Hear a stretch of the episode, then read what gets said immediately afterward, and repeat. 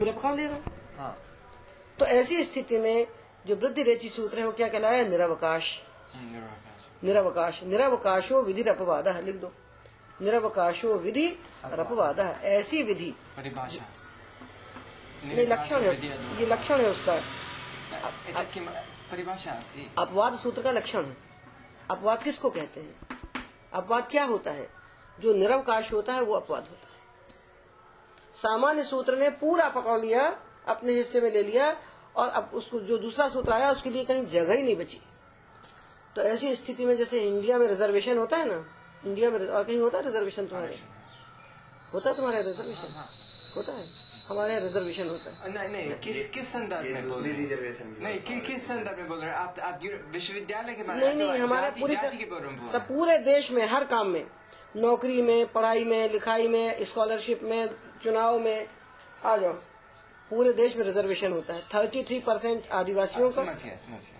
Thirty three percent हरिजनों का ऐसा करके सेवेंटी टू परसेंट रिजर्वेशन जाता है बाकी जन। तो ये क्या है? ये निरवकाशो विधि अपवाद है। अब उन्हें रिजर्वेशन कर इति परिभाषा अस्ति ये लक्षणम अस्ति लक्षणं लक्षण? मीन्स डेफिनिशन डेफिनिशन कुतः आगतः? कस्मिन् पुस्तके अस्ति? सूत्रं सर्वत्र अस्ति कुत्र नास्ति सर्वत्र के लेखकः तस्य कः? लेखक कुतः आगतः व्याकरण शास्त्रे वर्तते। किमस्ति? कुत्र लभ्यते एतत्? परिभाषा एव अस्ति एतं रहस्यमस्ति सर्वे वदन्ति किन्तु कुत्रापि न लभ्यते? कुत्र अस्ति? महाभाष्य। अरे व्याख्या ग्रंथों से निकलता है सारे सिद्धांत कौमुदी सब ग्रंथों में है। अपवाद सूत्र का अपवाद किसको कहोगे? सबके तुमको आज बताते हैं अपवाद किसको कहोगे? सामान्य सूत्र अपने लिए सबको पकड़ लेगा और दू सामने वाले सूत्र के लिए जगह ही नहीं बचेगी काम करने के लिए तो वो कहाँ जाए काम करने के लिए? और वो निरवकाश हो गया।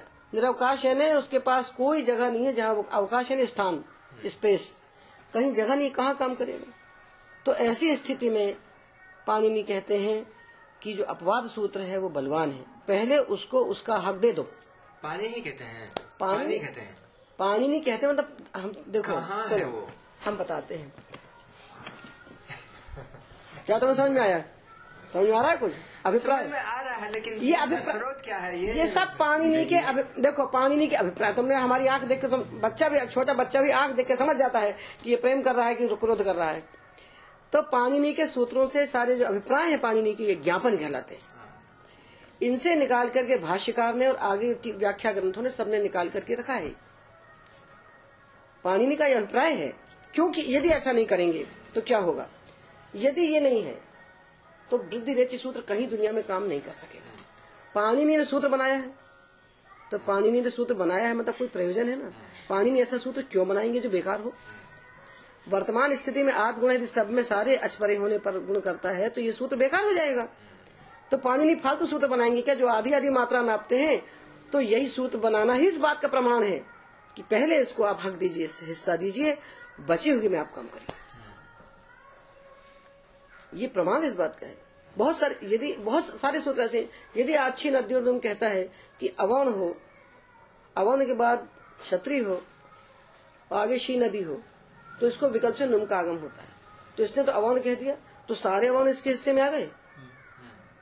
तो शपशन जब आएगा तो शपशन से क्या बोलेगा वो? कि भाई सारे अवन पे हमारा हक है तुम जाओ। तो बेकार हो गया ना वो।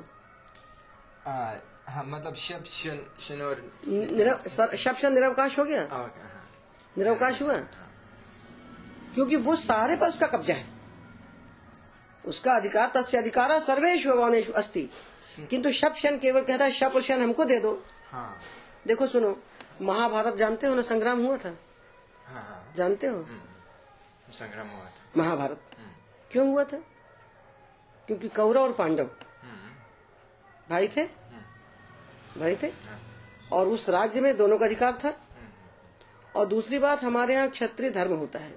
क्षत्रिय का धर्म हमारे भारत में समाज को चार वर्णों में बांटा गया था। अब कुछ नहीं है। पर हमारी ये परंपरा है, पूरे भारत की जनता के चार हिस्से होते थे। एक और वो मतलब अपने अपने कार्य के हिसाब से। तो ब्राह्मण को नियुक्त किया गया था पढ़ना पढ़ाना अध्ययनम, अध्यापनम, यजनम, याजनम, दानम, प्रतिग्रह। ये छह कार्य ब्राह्मण के थे। पढ़ना और पढ़ाना ब्राह्मण का काम था। और राज्य की रक्षा करना, प्रजा की रक्षा करना एक क्षत्रिय का काम था। तो पढ़ना सबका काम था, पर पढ़ाना खाली ब्राह्मण का काम था। पढ़ते सब थे, पढ़ाता ब्राह्मण था। तो वो कौरवों ने कहा कि हम दुर्योधन कहता, हम तुमको एक सुई की नोक के बराबर भी भूमि नहीं देंगे। तो वो क्षत्रिय थे, बोले, हम भीख तो मांग नहीं सकते। भीख हम मांग नहीं सकते, दूसरा काम हम कर नहीं सकते, हमारी जीविका प्रजा पालन हमको तुम पाँच गाँव दे दो।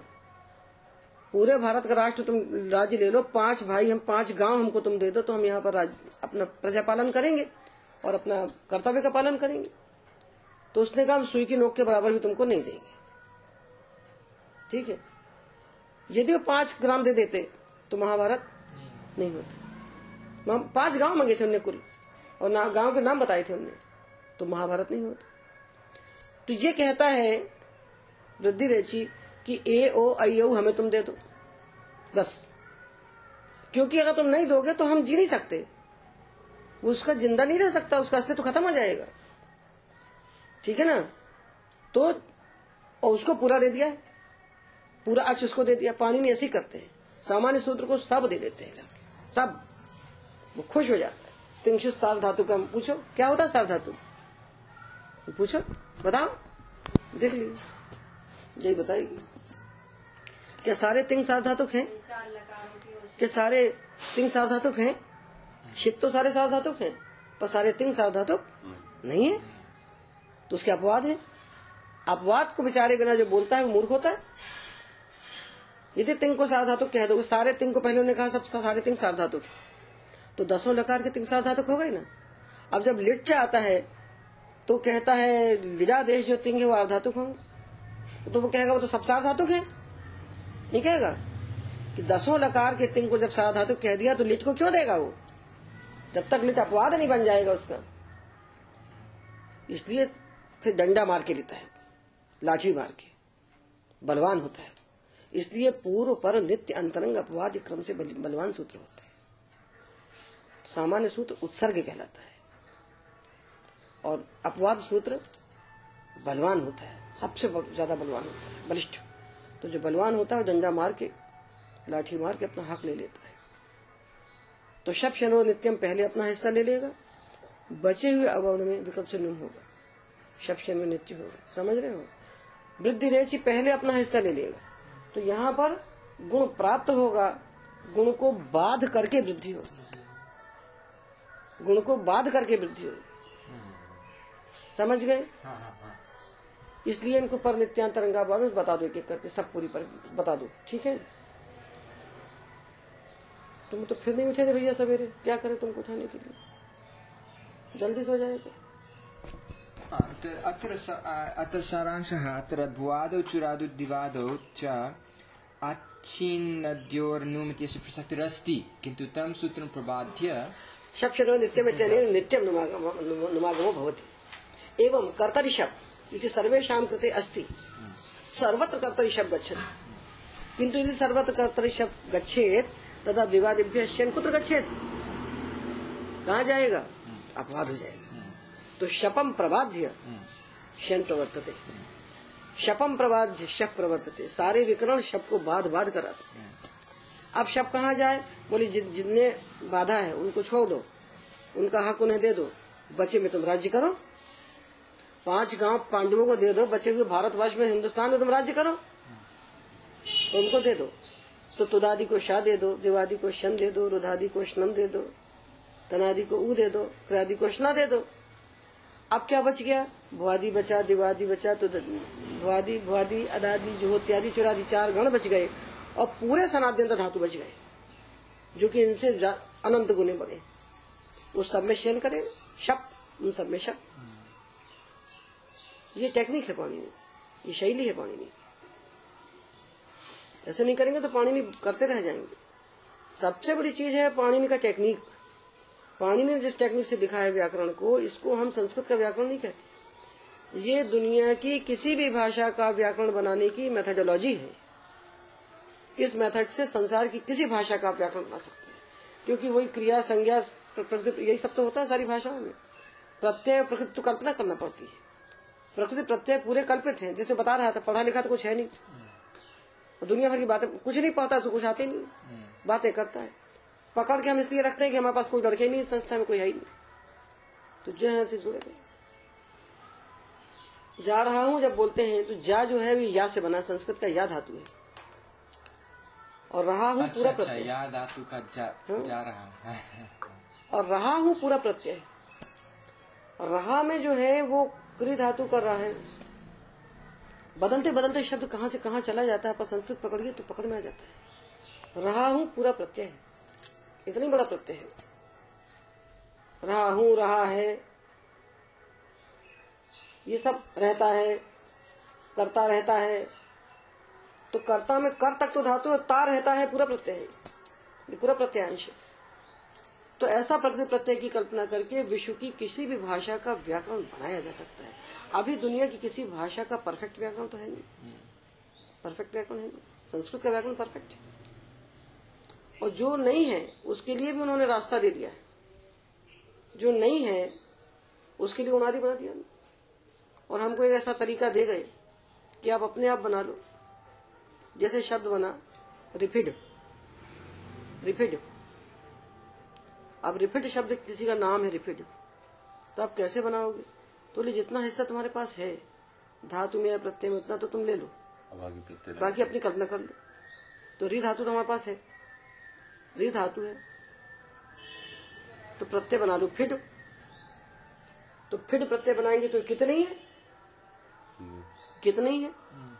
तो अर्फिड बन जाएगा तो बोले उसको कित मान लो? ऐसा कर लो। तो कार्य आपको पता हो गए सब उसके हिसाब से प्रकृति प्रत्यय की कल्पना करते जाओ, बनाते चले जाओ तो दुनिया की सारी भाषाओं को व्याकरण बन सकता है। अब कोई करने वाला ऐसा पैदा हो क्योंकि देखो, एक लक्ष्य लेके जो चलता है, वो काम कर सकता है। हमको भी ये सारी पुस्तकें याद आती हैं जो रखी है लाइब्रेरी में क्योंकि हमने साहित्य पढ़ा है। हमारा मन दौड़ दौड़ के जाता है कि हम उसको पढ़ें। हम अपने आप को रोकते हैं कि हमें घर का काम तो करना है और ये व्याकरण का काम लिखना है। अगर हम सब पढ़ेंगे तो हम कुछ नहीं कर पाएँगे। जो सब काम करता है वो कुछ नहीं कर पाता। जो एक काम करता है वो पूरा कर लेता है। इसलिए एक जन्म में जम्मू कृष्ण शास्त्री ने एक बात कही थी। उसको हम महामंत्र मानते हैं। एक जीवन में एक काम। जीवन तो अनंत है। ये हमको मतलब भीतर तक घुस गया हमें। जम्मू कृष्ण तपस्वी है भाई। जी हाँ तो तपस्वी है वो। तपस्वी है और हमारे यहाँ तो है कि छोटे से छोटा बा- भा, भा, भारतीय संस्कृत बाला दबी सुभाषितम बच्चा भी कोई बढ़िया बात कहे तत्काल तो ग्रहण कर लो उसको। ये मत देखो कि तुम बड़े हो कि छोटे हो। जो बढ़िया बात कह रहा है वही बड़ा है। तो उन्होंने कहा कि देखो एक जीवन में एक काम करो। वो बताते हैं जिनके पास काम करने वाले बच्चे जाते हैं किंतु बच्चों को आकर्षण दिखता है कि हम बीएचयू में पढ़े फिर वहाँ नेट पास करें फिर पीएचडी करें फिर फलाना ये सब दिखता है। और ये तो जम्मू भी कर सकते थे जनार्दन हेगड़े भी कर सकते थे। पर इन लोगों ने जीवन समर्पित कर दिया संस्कृत के लिए। जीवन समर्पित कर दिया। तब आज इतनी बड़ी संस्था बनी है, आज विश्व स्तर पर काम कर रही नहीं तो स्वरूप कहाँ से पढ़ते आज इतने लोग विदेश पढ़ रहे हैं। तो ये चमू कृष्ण जनार्दन हेगड़े विश्वास इत्यादि के समर्पण का फल है। तो कुछ लोगों को अपना जीवन देना चाहिए।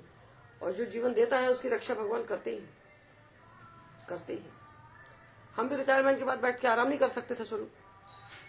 पेंशन मिल रही है, आराम करते। जितने रिटायर्ड लोग यहाँ हैं ना वो सब शाम को गार्डन बैठते हैं। अच्छा। और गप्पे मारते हैं। दो पैसा समाज के लिए खास नहीं करते उनसे कहो कुछ थोड़ा दान करो बुढ़ापे में तो बोलते हैं बीमार पड़ेंगे तो कौन हमको देगा?